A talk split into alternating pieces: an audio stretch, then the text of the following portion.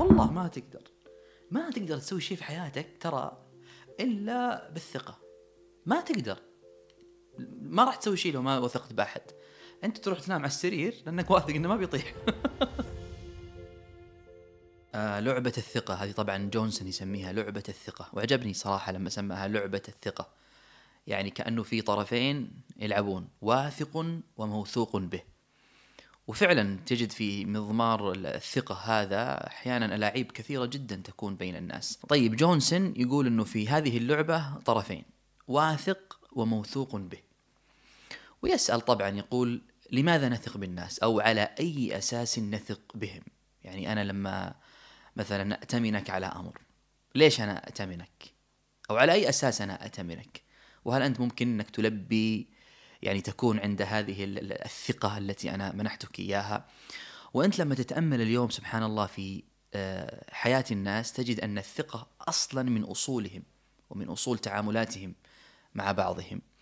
وبالثقة أصلا نعرف أصناف ومعادن الناس. تعرف يعني الصديق من العدو تعرف الشرير من الحسن تعرف الخبيث من الطيب تعرف الحامض من الحلو وهكذا يعني. هذا لا تعرفه إلا بتعاملك مع الناس أو بمنحك هذه الثقة إلى كثير من الناس. فأنت لو تأملت في هذا تجد أنه شئنا أم أبينا تعاملاتنا مع بعضنا قائمة على الثقة سواء صرحنا بها علنا أو لم نصرح. يعني أي تعامل يحدث بيني وبينك هو قائم على الثقة. وأحيانا يكون قائم على آه، صدق تنبؤي بك وتخميني عنك إنه أنت إنسان كويس وعندك آه، يعني صدق وإخلاص وتخاف الله وضميرك حي وفيك نوع من النزاهة والإحسان والطيبة. يعني هذا أحيانا يكون حتى ب بطبيعة الحال إنه أنا أثق فيك إنه أنا يعني لا أشكك في نزاهتك وفي صدقك وفي إخلاصك. فكل آه، عمل أعمله معك أو كل فعل أو أي أمر يحدث بيننا هو يكون مبني بعد ذلك على هذه الثقة المبطنة إن صحت الكلمة، فالثقة أصلا مبنية على مبادئ وقيم أصيلة عند الناس. اللي بطبيعة الحال إحنا نفترض أصلا إنها تكون في الناس، يعني أنت إنسان فلازم تكون صاحب مبدأ، تكون صاحب قيمة، آه، طيب، آه، نيتك طيبة، أخلاقك طيبة والى آخره، من هذه الافتراضات التي أصلا لا نفترضها بالناس إلا لأنها واقع حالنا. يعني الطيب دائما ترى يظن في الناس أنهم مثل طيبته وكذلك سبحان الله حتى في المقابل الشرير الخبيث الماكر المخادع هذا يفترض في الناس دائما بهذا المبدأ. فإحنا نقدم أحيانا حسن الظن باعتبار ما نكونه ونقدم كذلك سوء الظن باعتبار كذلك ما نكونه. أو أحيانا ممكن ببعض التجارب تجد بعض الناس مثلا مر بتجربة هذه تجربة سيئة فتجد يعمم هذه التجربة على على كل شيء يحدث في حياته. ومثله شخص آخر مثلا والله لو فتشت حتى في كثير من من واقع أحوالك لوجدت هذا. قبل فترة أقرأ فيما أقرأ عن باهمان وتصانيفه للثقة. هذا الرجل صنف لعبة الثقة هذه إلى ثلاثة أصناف. الصنف الأول يقول أن ثقة قائمة على المؤسسة. بمعنى وظيفتك هي التي تجعلني أثق بك ولا ما أثق بك. يعني إذا أنت مثلا معلم في مدرسة سمعتها طيبة ومعروف عن هذه المدرسة وعن هذه المؤسسة أن كل من يعمل بها إنسان كويس. فبالتالي أبني أنا ثقتي بك على يعني ثقة هذه المؤسسة. ومثلها أيضا على المنحى الآخر إذا أنت مثلا تعمل مع مؤسسة سيئة سمعتها مش كويسة حرامية نصابين وإلى آخره. مما يعرفه ويشيع بين الناس يعني. وباختلاف العمل طبعا مع المؤسسات تزيد أو تقل ثقة الناس بك. فأنت تتفاجأ أحيانا أنه اهتزت ثقة الناس لما أنت فقط غيرت العمل حقك المؤسسة. خرجت من هذه الوظيفة وانتقلت إلى تلك الوظيفة فبالتالي وجدت أن أصلا ثقة الناس بك انتقلت. إن كانت سيئة فهي انتقلت إلى خلاف ذلك وإن كانت جيدة فقد انتقلت إلى خلاف ذلك. وهذا يؤثر تباعا على علاقة الناس بك وعلاقتك أنت بالناس. لأنه أظن أصعب شيء في الحياة ممكن نسويه أن تتعامل مع أحد لا يثق بك. أو أن تكون ثقتي بك منوطة بوظيفتك بشيء آخر. وأظن حتى من هنا جاءت فكرة التوصية والتزكية. إنه عشان أثق بك أو أو عشان تعمل معي مثلا وأثق بك جيب لي مثلا تزكية أو توصية من الوظيفة اللي كنت تعمل بها. واحيانا يكون في نوع من الإجحاف. ممكن مثلا يكون في مشكلة بينك وبين هذه المؤسسة اللي أنت خرجت منها أصلا لأي لسوء أو لأي مشكلة حدثت معك. فتجد إنه هذه التوصية التي أنا على أساسها سأثق بك تكون مجحفة ليست دقيقة. والنوع الثاني طبعا يقول أنها ثقة قائمة على العمل بيني وبينك. يعني هذه ما فيها أي مواثيق وأي عقود وأي التزامات مؤسستية يعني. وإنما نتفق أنا وأنت على مسألة من المسائل أو على عمل معين يعني نؤديه. فإن أتممت هذا العمل على أكمل وجه زادت ثقتي بك. وإن ما أتممته على أكمل وجه لأي سبب أحيانا قلت ثقتي بك. وتجد أن أي عمل يحدث بعد ذلك تباعا آه، يؤثر على على على تعاملي معك. وهذا يكون في شيء من آه، حسن ظني بك وصدقي عنك وتنبؤي بك. يعني أحيانا حتى لو أخفقت في إتمام هذا العمل تجد الأمر منوط بفألي عنك. يعني ممكن ألتمس لك العذر وما زالت ثقتي في محلها. أو ثقتي بك يعني في محلها. وأحيانا لا ما ألتمس له أقول لك إنك ما أتممت هذا العمل فبالتالي خلاص ما عاد في أي ثقة بيني وبينك. والنوع الثالث ثقة قائمة على النية الطيبة. وهذه الثقة ما فيها أي نوع من المواثيق المؤسساتيه بيني وبينك ولا فيها كذلك أي عمل يعني نتفق عليه أنا وأنت. وإنما على النوايا الطيبة النوايا الحسنة هذه. وللأسف إنه حتى اليوم الكلمة صارت تؤخذ سلبا يعني يكون فيها إيحاء مش كويس. لما أقول لك شخص على نيته دائما يكون شخص مغفل سهل ينضحك عليه. وهذه الثقة دائما تكون مبنية ومنوطة بالفعل الحسن بحسن الظن.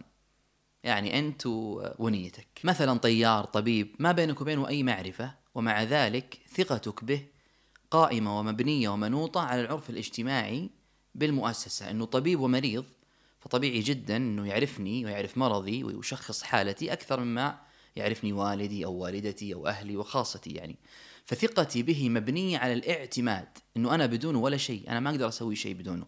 وتجد فيها نوع من حسن الظن من الفائل أنه راح يعني يساعدني يعينني. وكل هذه مبنية على نيتي الطيبة أصلا. ولو نظرت فعلا في كثير من علاقاتنا وتعاملاتنا مع بعضنا ومع الناس وجدت أنه لا تخرج عن هذه الثلاثة قوالب. وهذه القوالب هي الميثاق الذي به أنا أثق بك إما بحسن نيتي وفألي وظني عنك أو أحيانا عقد يلزمني ويلزمك أن تكون هذه الثقة بيننا أو عمل نتفق عليه أنا وأنت. ولو نظرنا في بعض هذه القوالب والأنواع لوجدنا أنه ربما يكون فيها إشكال من ناحية أخلاقية وإنسانية. أن أجعل ثقتي بك مبنية على ميثاق بيني وبينك. يعني ما أقدر أثق بك إلا إذا كان بيني وبينك مثلا عمل. أو كان بيني وبينك فعلا ميثاق يلزمني ويلزمك أنه أنت أن أن يكون أن تكون هذه الثقة متبادلة بيننا، يعني مثلا لو لقيت أحد في الشارع طلب منك آه، خدمة معينة، هل تسديها له بدافع إنه والله إنسان طيب وأنا إنسان طيب وتربطنا هذه الشراكة الإنسانية الطيبة بيننا يعني ولا لا ما بيني وبينه عقد ومواثيق ويعني أعمال تجعلني فعلا أثق به وبالتالي أقدم له هذه الثقة، ومعرفة الناس اليوم أصبح فيها إشكال، أحيانا تقل ثقتك بكثير من الناس بعد تجريبهم، بل ربما تقل حتى تعاملات الناس ببعضهم. أقصد تقل ثقة تعاملات الناس ببعضهم لأنهم جربوا بعضهم. وتزيد مع الغرباء. تجد الغريب هذا اللي ما يعرفه يعني يثق به كثيرا وثقته به قائمة على حسن ظنه على فأله على نيته الطيبة أصلا. لكن فلان هذا اللي جربه قلت ثقته به وهذا مخالف للأصل. وطبعا في كثير من التعاملات والعلاقات تجد العكس. يعني أحيانا أنت كنت مثلا لا تثق بفلان لأي سبب ممكن أنك سمعت عنه. لكن بعد تجريبك وبعد تعاملك وعلاقتك به لا والله يا أخي على غير ما قالوا عنه. يعني على غير ما قال فلان وعلان عن هذا عن هذا الإنسان. فبالتالي زادت ثقتك به وثقتك أصبحت الآن مبنية على عمل أصلا بينكما. وسبحان الله أنت لو تأملت في مفهوم الثقة في المجمل لوجدت أنه قائم على المغامرة قائم على المخاطرة. يعني ما يحدث الأمر آه، عفوي وإن كان عفويا وإنما يكون في شيء من المغامرة من المخاطرة من التنبؤات أحيانا لو هذا الطرف الموثوق به ما طلع موثوق به. تجد فعلا إنك ابتداء أصلا أنت غامرت خاطرت. في في في ثقتك به. وقائم كذلك على تقديرك أنت على آه، حدسك بالناس. فالشاك مثلا لا يثق بالناس لأنه شاك فتقديره بالناس الشك فثقته تكون مبنية على الشك ولا يثق بأحد. والمتوكل كذلك تجد أنه يعني على تقديره على توكله بالناس وفأله وحسن ظنه يثق كثيرا بالناس ولا يخاف منهم.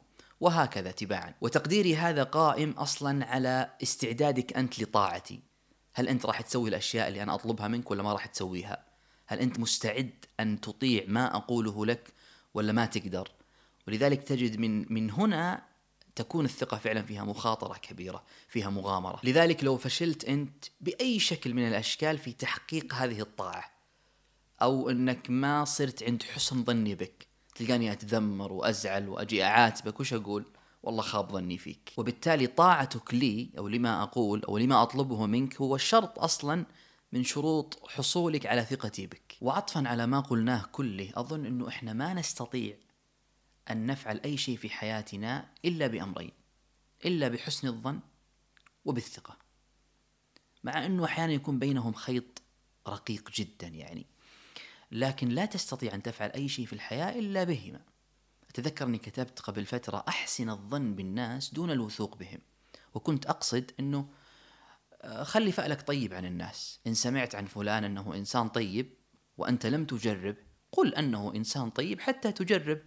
فإن جربته ووجدته طيبا فقل لنفسك إنه والله هذا تيقنت مما ظننته به وبالتالي هو إنسان طيب. وإن جربته وجدته خلاف ما ظننته عنه. فذاك الوقت تقول والله مش إنسان طيب مش كويس. ويكون يعني تيقنك هذا عنه أو وصفك الآن به إنه مش إنسان كويس مش طيب مبني على تجربتك إنه أنت فعلا جربت فلان هذا. وعمر بن الخطاب رضي الله عنه يقول لست بالخب ولا الخب يخدعني والخب هو الخداع الماكر. وهذه قاعدة أظنها رائعة جدا في تعاملاتنا مع الناس. ولو تأملنا في قوله رضي الله عنه نجده يبين صدق نفسه وطهارته في تعامله مع الناس. وهذا الصدق مع النفس وهذه الطهارة في النفس تجنبه ذلك الخداع والماكر. وهذا الماكر والخداع لا يتعامل كذلك مع هذه النفس الشريفة الطاهرة التي لا تغش الناس ولا تخدعهم.